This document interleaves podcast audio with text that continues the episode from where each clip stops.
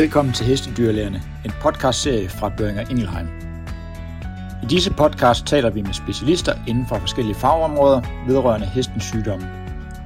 Alle har det til fælles, at de deler din og vores passion for heste. Hej og velkommen til afsnit 2 af Hestedyrlægerne. Podcasten til dig, der er dyrlæge eller veterinærsygeplejerske og arbejder med heste. I denne episode vil vi lytte til min kollega Marias samtale med Martin Kraup Nielsen, som er forsker ved University of Kentucky og har parasitologi som sit særlige interesseområde. I sidste afsnit talte de om, hvordan han endte på University of Kentucky, og også om de udfordringer, vi står overfor, når det kommer til diagnostisering af hestens blodorm. Vi fortsætter dette afsnit med diskussioner om retningslinjer, test, fordelene ved, at dyrlægen er den, der beslutter, hvornår hesten skal behandles for orm.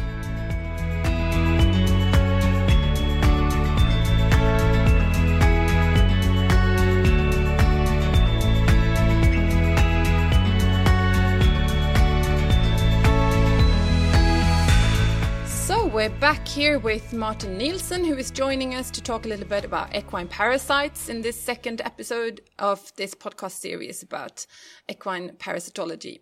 Um, and in the last episode, we were talking a little bit about diagnostics, um, but I wanted to talk a little bit about policy and um, ask you a little bit because you since you have the experience from where you are in Kentucky in the US and you've also been in New Zealand as you touched upon in your webinar um, and you're also very familiar with uh, how we have it here in the Nordics and our conditions here. Um, and as you know, we have a pretty strict anti-helminthics policy where where you always have to have a prescription um, to to get it from the drug the, the pharmacy store, and um, the fecal testing is either recommended or or required. Um, would you say that what are the pros and cons with this regimen, um, and also the opposite uh, with what's the pros and cons with the routine administration and so forth? No, those are great questions that I've actually spent a lot of time uh, evaluating myself and, and, and studying. We've completed a number of, of surveys, questionnaire surveys that have uh, looked into these thing, things both both amongst veterinarians but also horse owners. We published a multi-country um, survey uh, 10 years ago now where we had Germany, Austria, uh, US and Denmark in there, and the, and the results were really striking and interesting. So I think overall, the big, big accomplishment uh, from from this legislation was that we placed the veterinarian back in the center of this whole decision process of what should I do with my horse with. And that's definitely a good thing. Um, instead of having these decisions be in the hands of the horse owners and and whatever they would base their decisions on. Someone else in the barn said something, or they saw an ad in a horse magazine, whatever they did, or just picked whatever was uh, cheap at the feed store or Walmart for that matter. And so, um, definitely we're in a situation that's much better off. They place the veterinarians as the key person mm. in that decision. It, it kind of emphasize the need for those veterinarians to also stay up to date with uh, recent findings and not mm. just rely, rely on you know what they learned in vet school, which could be decades or years ago, and and sort of stay up to speed with uh, what some of us are doing, and and so the need for this webinar, for example. So mm. I think I think that's definitely been great, and also think based on our surveys, we can definitely say that treatment intensity has reduced significantly as a result of the le- legislation, and that was the her- whole purpose, right? So, definitely we have less selection pressure for um, further development of drug resistance. Um, we don't really have a lot of information about what are the levels of drug resistance in mm. equine parasites in uh, Scandinavian countries like Sweden, Denmark, uh, Norway, Finland. Um, I think that would actually be good information to have. It's a question I often get when mm. I talk to people in elsewhere in the world, mm. and and so we don't really have a lot of information that's kind of sort of say, is it any different here than it is in other countries?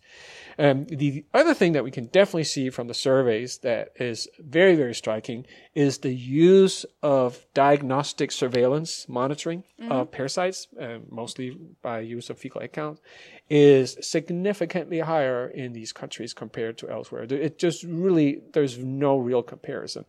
Um, the only other country where we in recent years have seen a similar development is in the United Kingdom. Mm-hmm. Uh, United Kingdom is interesting. Uh, they used to be part of the EU. Now they're not, uh, but they were um, at a time where you know the EU directive was uh, introduced in 2007, and and so they have prescription only, but they have a little bit of a, a different setup. It's kind of interesting. Um, so they have um, three groups of people who can prescribe anthelmintics. So there's veterinarians, there's pharmacists, mm-hmm. and then there's SQPs, special qualified persons. Mm-hmm. And those are people that take some kind of course mm-hmm. and that authorizes them to prescribe anthelmintics. So there's like this third sort of somewhat defined group of people that can also uh, prescribed drugs, and that's very different than mm. Denmark and Sweden, where it is only the veterinarian. Oh, so, yeah. mm-hmm. so it's kind of interesting to also follow along with how that unravels and unfolds in in the United Kingdom. Uh, they're doing a lot of surveys there. Uh, there's a lot of actually papers coming out um, right now on on uh, what the situation is like there. I, I think what we see is actually also an uptake of the use of fecal egg counts more. Mm-hmm. So that's great.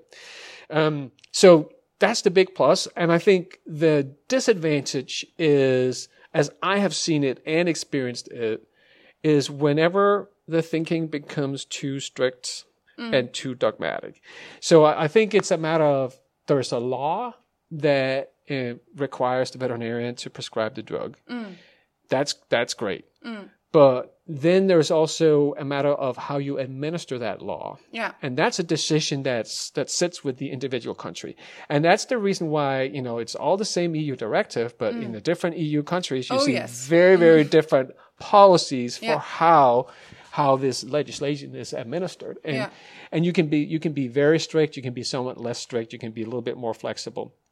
I think what I've seen, uh, certainly in Denmark, at times has been um, a lack of flexibility. Mm-hmm. I think there, there's been a little bit of a tendency of you know the veterinarian being so restricted by the law that they couldn't really be a veterinarian. Mm. I think a veterinarian is supposed to be able to make a clinical best judgment call uh, based on the situation, based on the number of, in, of factors that they can take into account, uh, knowledge of the of the of the farm, the operation, diagnostic findings for sure, but that's not the only thing, right? Uh, age groups, uh, clinical cases that have occurred on the farm, whatever it might be. Um, and as I alluded to in my webinar, I mean, there are, there are things you don't diagnose with the fecal egg count. The fecal egg count only tells us yeah. one part of the story, Definitely. an important part, but not the whole yeah. part. And I think there's been a little bit of a too strict, um, administration of the law uh, occurring in Denmark. I don't know if it's been slightly maybe different in Sweden, but but if if the vets become too limited in what they can do and make the right decision, uh, I, I, do think it becomes a problem. And it's not a problem of being in violation of the law. It's a mm. problem of how you decide to administer that same law. Yeah. And so I think I think there's definitely uh, discussions that are needed to be had. And I have seen in recent years that there's been at least some flexibility offered uh, where, for example, it's been allowed to prescribe anthelmintics to foals at a mm. certain age without a, a, fecal egg count simply because they may not be old enough to even have egg shedding yeah. So, so there's been some um, some modification there, which I think is very positive. Um, mm in some of the limited, albeit, discussions that I've had with uh, veterinarians that work for the Danish veterinary uh, authorities over the years, and it's been years since I've had any, but I mean, when I've had them, I've also felt there's been a little bit of a tendency to applying the same thinking you would have uh, with regards to antibiotics and bacteria. Mm-hmm. So you diagnose an infection then you treat with the appropriate antibiotic and you eliminate it and the problem is addressed, mm. right?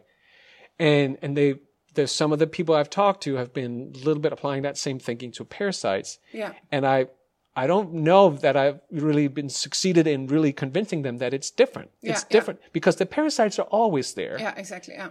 And, and it's not a matter of diagnosing an infection. They're going to be there whether you diagnose them or not. When Yeah. we talk about the cyathostomes, certainly all the grazing horses, a lot of them will have tapeworms. Mm. Every every operation in in the, these countries will have tapeworms, at least in some horses. And then if you have foals, they're all going to have ascarids. Mm. Yeah, right? yeah. So it's not a matter of if. No, no, they're they're going to have it, and they're Yeah. going to come back. These parasites will come right back. Yeah. As I discussed in one of my webinars, you know, they come back sooner now than they used to. So it's a different way of thinking. So we're not eliminating an infection. We're trying to control parasite transmission. We're trying to control the infection pressure. It's a different dynamic. It's a different goal. Yeah. And I feel like sometimes um, there's been a little bit of a lack of understanding there. There's also been a reluctancy to even discuss these things. Yeah. No, we don't discuss the science. We just apply the law. Yeah. Well, you know, you, you have to kind of consider the science. That should be what the law should be based on, in my opinion. And so, and I've also had, uh, at times, again, years ago, um, some veterinarians being really upset with me because um, they've been saying that you know some of the things you say, Martin, that would be breaking the law here in this country. Mm-hmm. My response, and that's a little bit provocative, I admit this, but my response is then change the law Yeah. because the recommendations are evidence based, mm-hmm. and I I don't want to I don't want to be restricted restricted by a given not a law but how Yeah. how it's been decided to administer that law. Mm. I don't want to be restricted by that if I have a best evidence based recommendation that's based on science. Yeah. Then I'm going to communicate that. If we then identify an issue with how a law has been practiced and administered in a given country, then we can discuss that. Um, so anyway, so sometimes we have a little bit of that. So I, I, I, I felt that there's been at least uh, some stringency with how things have been administered. Uh, veterinarians have felt that they could not administer admin- antibiotics without a positive fecal egg count. Uh, and my comment has always been they should be able to Yeah. right? Because fecal egg count is only part of the picture. There are parasites uh, that are not detected by the fecal egg count. There are stages of the parasites that are not producing any eggs, and those are the stages that are actually causing disease, like we talked about Strongylus vulgaris in the previous episode of the podcast. It's the larvae that cause disease, Yeah. right? Um, and and the same goes for the cyathostomas. Yeah. And so there's there's more to it. And how do we how do we even handle the tapeworm situation? We we do have um, some diagnostic options there, but are all the vets then routinely checking all the horses for tapeworms all the time before they choose a combination product that happens to have praziquantel? And if they do without a tapeworm diagnostic, are they now in violation of of the legislation? So there has to be some flexibility there Yeah. and um, and that's what we've been trying to communicate in the guidelines that we've issued for North America, Yeah. where we have this two-tiered approach with the foundation of treatments that should be considered to keep some of the non-cyathostomin, non-ascarid parasites at mm. bay, and then. You know, you do need the diagnostic information too. You cannot construct a good, solid, appropriate parasite control program without having your fecal egg counts. Um, so those should always be in there. I mean, so you have to be evidence based, you have to be surveillance based. And so I think what I'm recommending is very much in line with I, I what I consider the certainly the you know the idea of the legislation, which is to be surveillance based, evidence based, and scientific veterinary medicine based in your decision making. Um, and so, um, and then the other part that I am emphasizing now more and more is that the most important thing to do, above everything else, above what we've talked about thus far in this podcast, is checking the efficacy. Yeah. And that's a responsibility of the veterinarians who prescribe the drugs. Yeah. Uh, so I can say that much more easily here because I know here's the veterinarian's responsibility. I can't really say that as much in in the states, for example, where sometimes the vets are not there. They can suggest checking the efficacy, but they really need to convince an owner mm. to pay for that in addition to paying for the drug. Mm. Here, I think it's a responsibility that we check Yeah. that those products are still working the way they should be according to the label, and there are no safe uh, drugs anymore. Mm. And with when it comes to the cyathostomas and the ascarids, we've seen resistance to all three classes. So we owe our customers to routinely check. Yeah. every year. Yeah.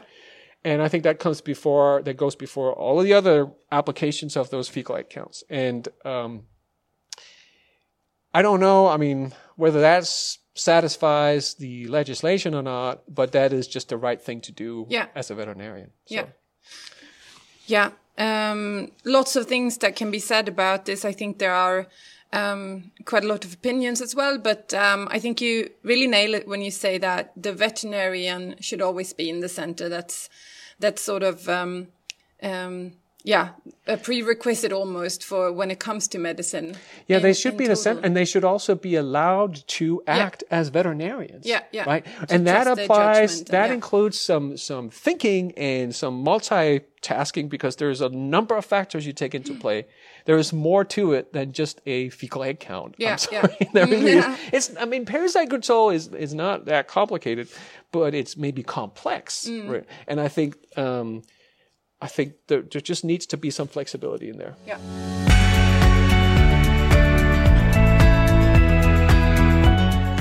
Um, what situation would you say it's recommended to treat without a preceding test? Um, in what situation would you be like that definitely should be treated even if it didn't have one? So I can mention a couple of examples. I think um, the the easy one, the less controversial one, is is the ascarids and the foals. Yeah. Where the pre-patent period is is three months. Uh, it takes three months for the parasite to reach uh, egg shedding patency.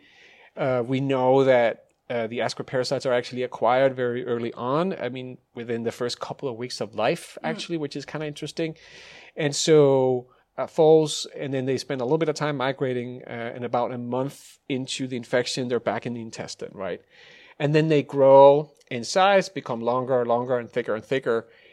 And at somewhere in there, there's that risk of, of inducing the impaction. So if you wait too long, and without deworming, and then you deworm them right at when the worms are the largest and the most, that's where you you could have that impaction happening.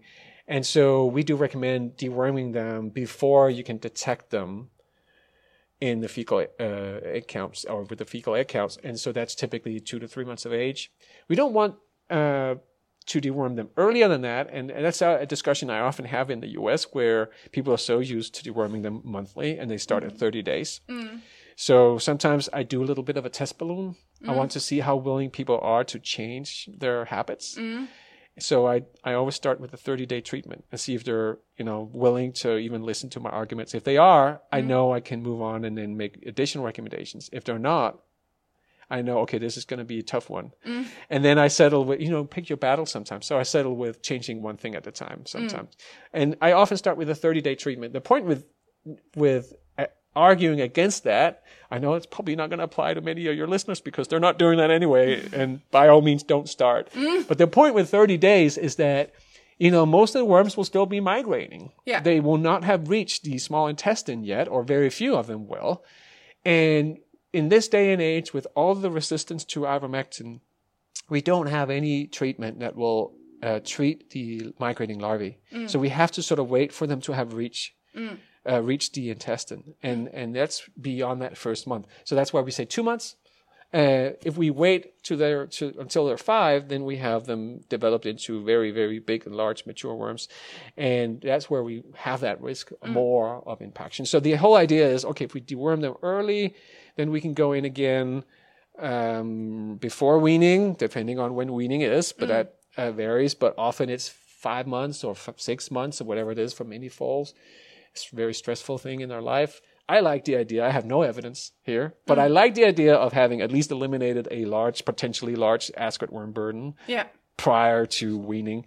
Um, and then we know from the data, also some of, uh, the data that I showed in the webinar that, you know, they, the worms peak, the worm burdens, ascarid worm burdens, that is peak at about that age, five months or so. And then they start declining. And then you need to sort of shift over, you shift the focus away from the ascarids and over to the strongyles and the tapeworms. And you need to monitor when that happens. Mm-hmm. So once you get into the five, six months age range bracket, maybe a little bit older. That's where you actually have to do fecal egg counts on your foals. Mm-hmm. But you do it with a different purpose. You do it to monitor, you know, basically ask the question, are there still any ascarids around? Or are we now primarily dealing with strongyles? Or are we having a little bit of both? Yeah. Those things will decide what you're going to be prescribing as a veterinarian. Yeah. So there's no point in doing egg counts early on you're not going to get any useful information, but there's a lot of point in doing it right there at the weaning age. Mm-hmm. So that was one example. The other one um, the other example of you know deworming horses without fecal egg count. So the, the the recommendation that we have in the AAEP guidelines is actually to sort of make sure all horses get one or two treatments a year, regardless of fecal egg counts. And then what you do use the fecal egg count for is to identify those horses, that subset of horses, that should then get additional treatments on top of those uh-huh. mm-hmm. one or two treatments. And the whole point there is okay, so why are we deworming horses based on egg counts? I talked about that in the webinar. It is to reduce that egg count, yeah. at least for that period of time. We also know that that's not going to last as long anymore as it used to. I mean, it used to be, you know, several months for moxidectin, a couple of months for ivermectin. Now we're down to five, four or five weeks in many cases. And so you shut that egg count down or you suppress it for a period of time. And so by that, you lower the infection pressure, but it's going to pick back up, right? Uh, you're not going to eliminate the worms from the horses. And I think that's a misconception that many people have. Mm. You're not going to eliminate the Cyathostomins from the horses because there's going to be encysted larvae, and not even with moxidectin are you going to eliminate yeah. that completely. So there are going to be new new worms uh, establishing in new adult worms establishing in the intestinal tract, and they'll be producing eggs relatively soon after treatment. And so, so if you have a high shedder, that high shedder can be responsible for a large proportion of that infection pressure. So if you in, if you treat that horse a bit more than the others, um, then you're not treating the whole herd. You're treating just a subset of the horses. Mm. So you're leaving some horses untreated, but you are treating the ones that are primarily responsible. Then in the fall, you can also make sure uh, that you get a tapeworm treatment in.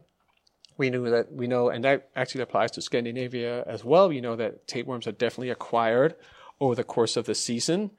Uh, what is interesting about the tapeworms is that the whole tapeworm burden renews itself once a year. So they only last a year, then they get kicked out, and a new um, tapeworm burden establishes over the course of the next summer.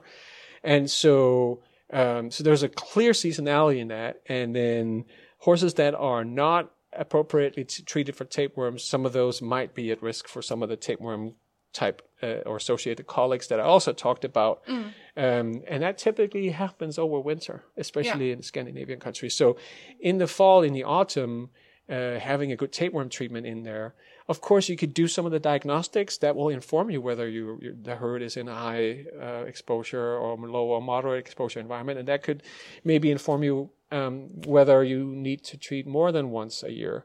But as a starting point, in most horses that have access to pasture, they should probably be treated for tapeworms at least once. Mm. Um, and so, so there's that. Um, and then, um, yeah, and I already talked about using the egg counts in the transition period from ascarid to strongylid era.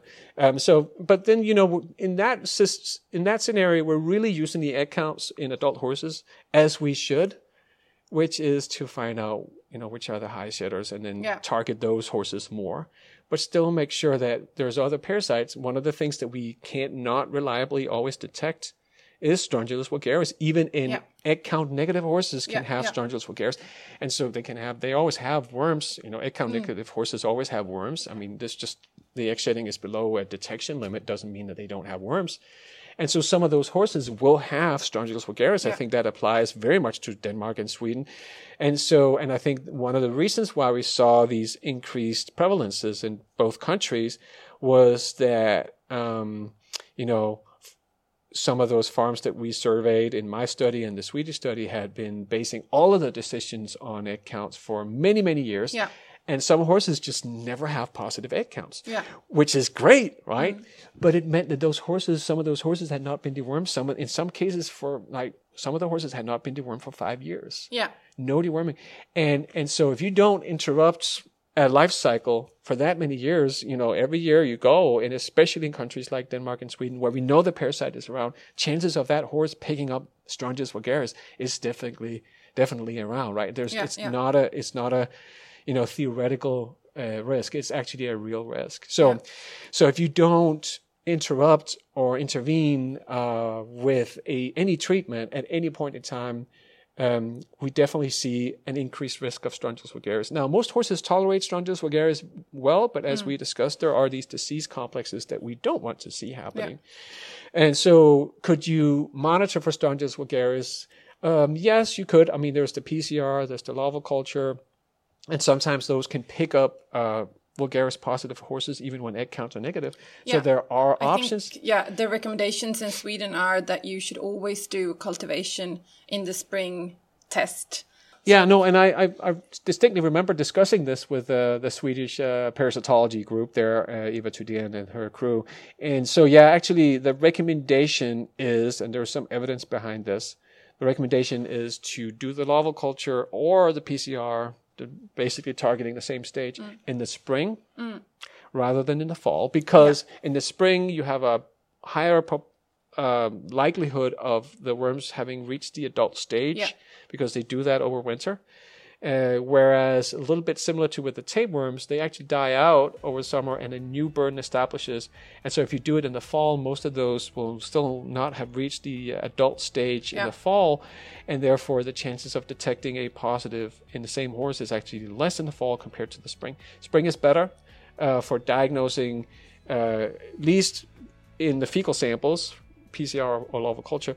Obviously, if you do uh, the ELISA, which is not commercially available, so it wouldn't apply at this point. but if you did that, um, then that would that would detect antibodies year round, right? So. Yeah.